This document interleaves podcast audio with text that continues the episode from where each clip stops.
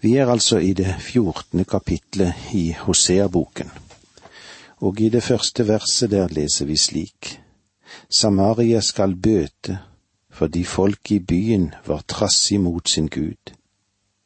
De skal falle for sverd, og deres småbarn skal bli knust, og deres svangre kvinner skal skjæres opp.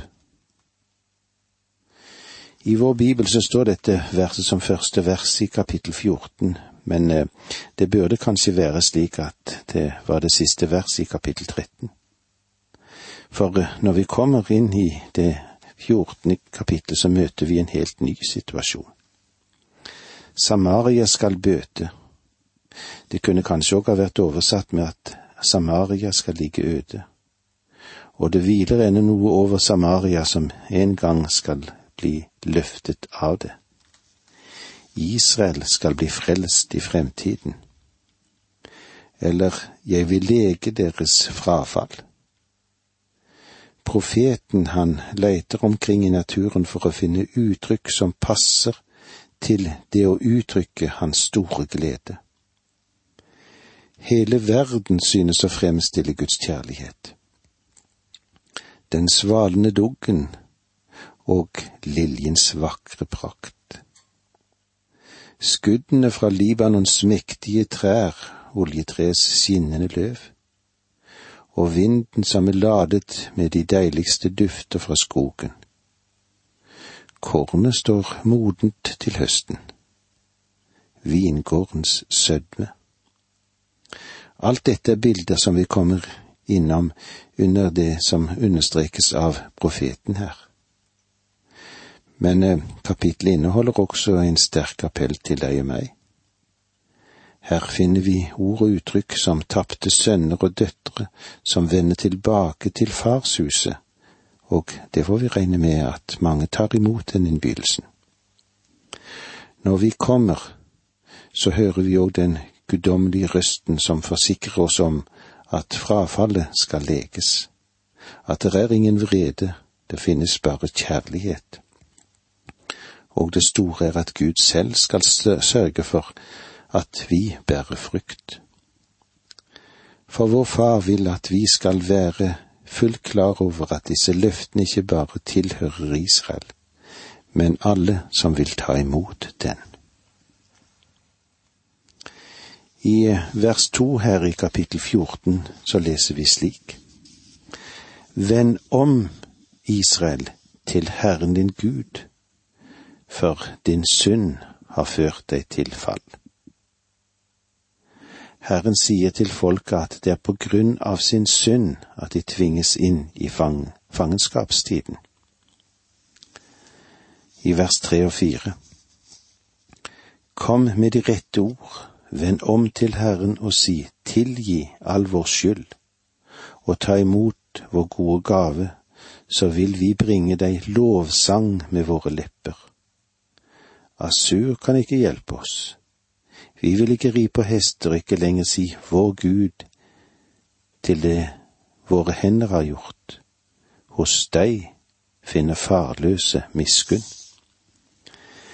Tenk deg at du skaper noe med dine hender og så faller ned og tilber det. Det finnes vel mange mennesker også i dag som tilber sine egne evner og sin egen storhet. Kanskje de tilber sin egen hjerne eller sitt eget intellekt, eller sin sans for penger, eller på aksjemarkedet. De tilber det de gjør, det de er i stand til å gjøre. Det er ikke noe annet enn hedensk tankegang, det. Vi skulle vel kanskje ikke ha det slik å la minnet om de vonde dagene forsvinne fra vårt sinn som en dag i dag. Det kan ha floket seg til, og det engster oss. Kanskje det òg har etterlatt seg noen merker av bitterhet. Og da er det godt at vi har Guds ord å ty til. Alle sammen som det var på den tiden som vi er sammen med Hosea, alle sammen, enten om det var i den tid eller i vår tid, så opplever vi alle sammen vanskeligheter. Og noen av vanskelighetene kan vi selv være skyld i. Kanskje vi har påført andre noen vanskeligheter. Og vanskelighetene, de kan jo kaste oss over ende. Det kan føre til at vi fordømmer oss selv òg, kanskje. Eller at vi kommer i den situasjonen at vi legger skylden på andre. Og det kan kanskje få oss til å tvile på Guds veier, og tvile på Guds kjærlighet. Men hvis vi noen gang skal klare å hanskes med vansker, må vi innse at de er en del av selve livet. Og det kan vi lære av Guds visdom gjennom det Han forteller oss i sitt eget ord. Når Gud gjør alle ting vel, så omfatter det alle ting. La oss lese videre i kapittel 14 vers 5 til 8. Jeg vil lege deres frafall jeg vil elske dem av hjerte, for min vrede har vendt seg fra dem. Jeg vil være som en dugg for Israel.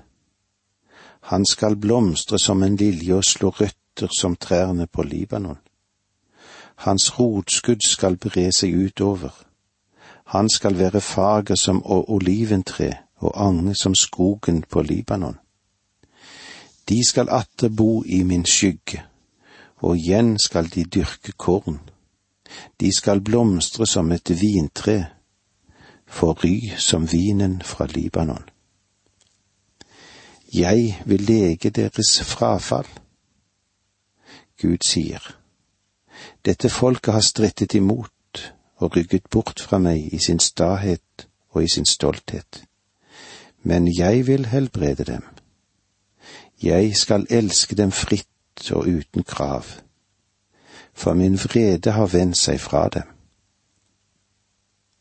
Versene ni og ti. Hva skal Efraim med avguder mer? Jeg vil bønnhøre ham og se til ham. Jeg er som en grønn sypress, fra meg skal din frukt komme. Hvem er så klok at han skjønner dette, så forstandig at han innser det? Ja, Herrens veier er rette, de rettferdige vandrer på dem, men overtrederen snubler. Vers ni er vel et av de mest vidunderlige vers som vi har i Bibelen. Dette er en seierssang. Hva skal Efraim med avguder mer? Det er fremtiden. Gud skal til sist vinne. Kjærligheten skal dra den endelige seier i land. Gud hadde sagt til Efraim, Efraim, hvordan skal jeg gi deg opp? Og han sa, Efraim, la ham være, for han har vendt seg til avgudene. Nå sier Gud, men det skal komme en dag da Efraim vil se at det gjorde de gjorde et stort mistak, og skal vende tilbake til meg. Og da skal dette folket si, vi har ikke bruk for avguder lenger. Jeg kan ikke annet enn tro midt i denne tragedie av synd, dette dramaet av menneskelivet som har utspilt seg her i verden, at Gud en dag skal komme som seierherre. Jeg tror at flere mennesker vil bli frelst enn den som går fortapt. Du og jeg har ansiktet presset mot tidens strøm, og vi ser oss om i verden i dag, og alt vi ser er den lille flokk som den Herre Jesus talte om men det er menigheten, det er folk som han kaller ut av verden. Men det er mange han har frelst i fortiden. For eksempel frelste han en gang hele befolkningen i Ninive, selv om de hundre år senere vendte tilbake til sin synd og han dømte dem. Det har vært andre vekkelsestider i fortiden også, men den største vekkelsetiden, den hører fremtiden til og så langt jeg kan forstå Bibelen, vil det skje faktisk under, store under i den store trengselsperioden. Tusenårsriket blir en frelsesepoke, den også. Gud skal vinne. Kjærligheten vil triumfere. Gud troner i dag seirende. Han er den suverene Gud som kjører sin vogn gjennom tiden. Gud har barmhjertighet mot dem som kommer under denne vognens hjul. Jeg vet ikke hvordan du har det, men jeg vil gjerne høre Herren til, det vil jeg, og jeg vil stå ved veien og be ham ta meg med. Og det er grunnen til at det er så viktig og påtrengende at vi kjenner Hans ord. Og for å vite hvordan vi skal bli stående i Hans vilje i de vanskelige tidene som vi lever i nå. Han vil lege oss. Og med disse ordene sier vi takk for nå, og takk for fellesskapet vi har hatt i det vi gikk gjennom Hoseas-boken. Må Gud velsigne deg. Dette undervisningsprogrammet består av to deler. Åge Nevland fortsetter nå med andre del av dagens undervisning. Vi er nå kommet til Jakobs brev, et av de brevene som òg sies at de er epistler, og eh, det vil vi komme litt nærmere inn på når vi har samlet først våre sinn og tanker i et vers fra sangen som Vidar Christensen har skrevet. Jeg har en venn som har gitt sitt liv for at jeg skal få leve. Det finnes intet alternativ, det nytter ikke å streve. Fordi jeg lever så milevidt ifra Guds vilje med livet mitt, fikk jeg dommen, slik lød den, du skal dømmes til døden. Herre Jesus, takk for det slik at du har tatt deg av vår sak og i denne stund kan vi stille oss inn under din nådetrone og takke for frelsens vei som er gitt oss til del. Nå ber vi om at du velsigner denne stunda for oss, og når vi òg skal gå gjennom Jakobs brev. Vi ber om at du er til stede med de gode hellige ånd. Amen.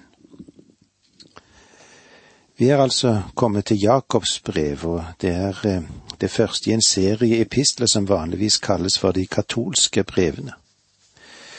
Og eh, de inkluderer da Jakobs brev, første og annet Peters brev, første, andre og tredje Johannes brev, også Judabrevet, da. De benevnes som katolske i den betydning at de er universelle, eller allmenne. Og eh, det er nettopp det katolsk betyr. Vi vil si at det ikke er adressert til bestemte individer eller menigheter, men til menigheten slik som den er. Forfatteren, forfatteren, hvem er det? Jo, forfatteren er kanskje et forfatterproblem, er det det? Det er ikke tvil om at Jakob skrev Jakobs brev, men så er det spørsmål hvilken Jakob var det som var forfatter? Noen finner i det minste fire menn ved navn Jakob i Det nye testamentet og jeg tror at man i alle fall kan finne tre klart definerte. Den første er Jakob, Johannes' bror og en av Sebedeus' sønner. Disse to menn ble kalt Tordensønnen av Herren. Han ble drept av Herodes på samme tid som eh, de kastet Simon Peter i fengsel. Vi kan se hva det står i det tolvte kapittelet i Apostelens gjerninger om dette, de to første versene. På den tid lot kong Herodes noen av menigheten gripe og for hardt fram mot dem. Jakob, bror av Johannes, ble henrettet med sverd. Så har vi den andre Jakob, da, Jakob, Alfeus sønn, kalt den lille Jakob. Han ble nevnt i listen over apostlene, men vi vet svært lite om ham. Og jeg setter en strek over ham som en mulig forfatter av dette brevet. Og så har vi den eh, tredje, da, Jakob, Herrens bror. Han var sønn av Maria og Josef, og eh, Jesus ble jo hans halvbror. I Matteus 13, 55 leser vi slik er han ikke tømmermannens sønn? Og heter ikke hans mor Maria og hans brødre Jakob og Josef og Simon og Judas? I begynnelsen trodde ikke Herrens brødre på ham i det hele tatt. Men tiden kom da Jakob ble leder for menigheten i Jerusalem. Og i apostelens gjerninger i det femtende kapitlet ser det ut til at det er Jakob som har ledet det store apostelmøtet i Jerusalem. Det er i alle fall om ham som trakk konklusjonen og fikk møtet til å samle seg om en avgjørelse under ledelse av Den hellige ånd. Jeg tror at det var denne Jakob Paulus refererte til i Galatene i det andre kapitlet vers ni. Jakob, Kefas og Johannes, de som ble regnet som selve søylene, de anerkjente den nådegave jeg har fått, og ga meg og Barnabas hånden som tegn på fellesskap.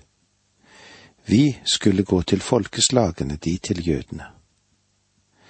Denne Jakob er mann vi tror er forfatter av dette brevet. Hvis vi tenker på hva tid ble det skrevet? Dette brevet ble skrevet omkring 45 til 50 år etter Kristus og det er de som har sagt at Jakob skrev sitt brev for å motsi Paulus sin undervisning. De påstår at Jakob understreker gjerninger, mens Paulus understreker tro. Men det første av Paulus sine brev, første Tessalonikerbrev, ble først skrevet omkring år 52 til 56 etter Kristus. Derfor ble selv Paulus sitt første brev skrevet etter at Jakob har skrevet sitt brev, som var den første enheten i Det nye testamentet som ble skrevet. Jakob sitt brev ble forholdsvis tidlig kjent i oldkirken, men eh, det varte lenge før det ble alminnelig anerkjent. Jakobs brev har lite læremessig stoff det har ingen omtale av de dogmatiske punkter eller hovedpunkter, som eh, inkarnasjon eller forsoning, oppstandelsen og himmelfarten. Nei, brevet ligger helt på det praktiske plan med en sterk moralsk appell, som også indikerer at det er skrevet av en mann som ifølge tradisjon fikk tilnavnet Den rettferdige. Det kan neppe sies å være et brev i vanlig forstand, men det er, som vi sa i innledningen, nærmest som en epistel. En formanende avhandling i brevform. Innholdet har atskillig til felles med Jesus sin bergpreken, og med det profetiske, eller den profetiske forkynnelse, ikke minst det som vi finnes, finner igjen hos profeten Amos. Brevet har ingen utvikling av et enkelt tema, men det behandler en rekke forskjellige spørsmål i forbindelse med hverdagens kristenliv, altså hvordan du og jeg oppfører oss. Det begynner med å tale om betydningen av de mangehånde fristelser som er, som å se på prøvelser av troen. Videre understrekes nødvendigheten av å være ordets gjører og ikke bare dets hørere.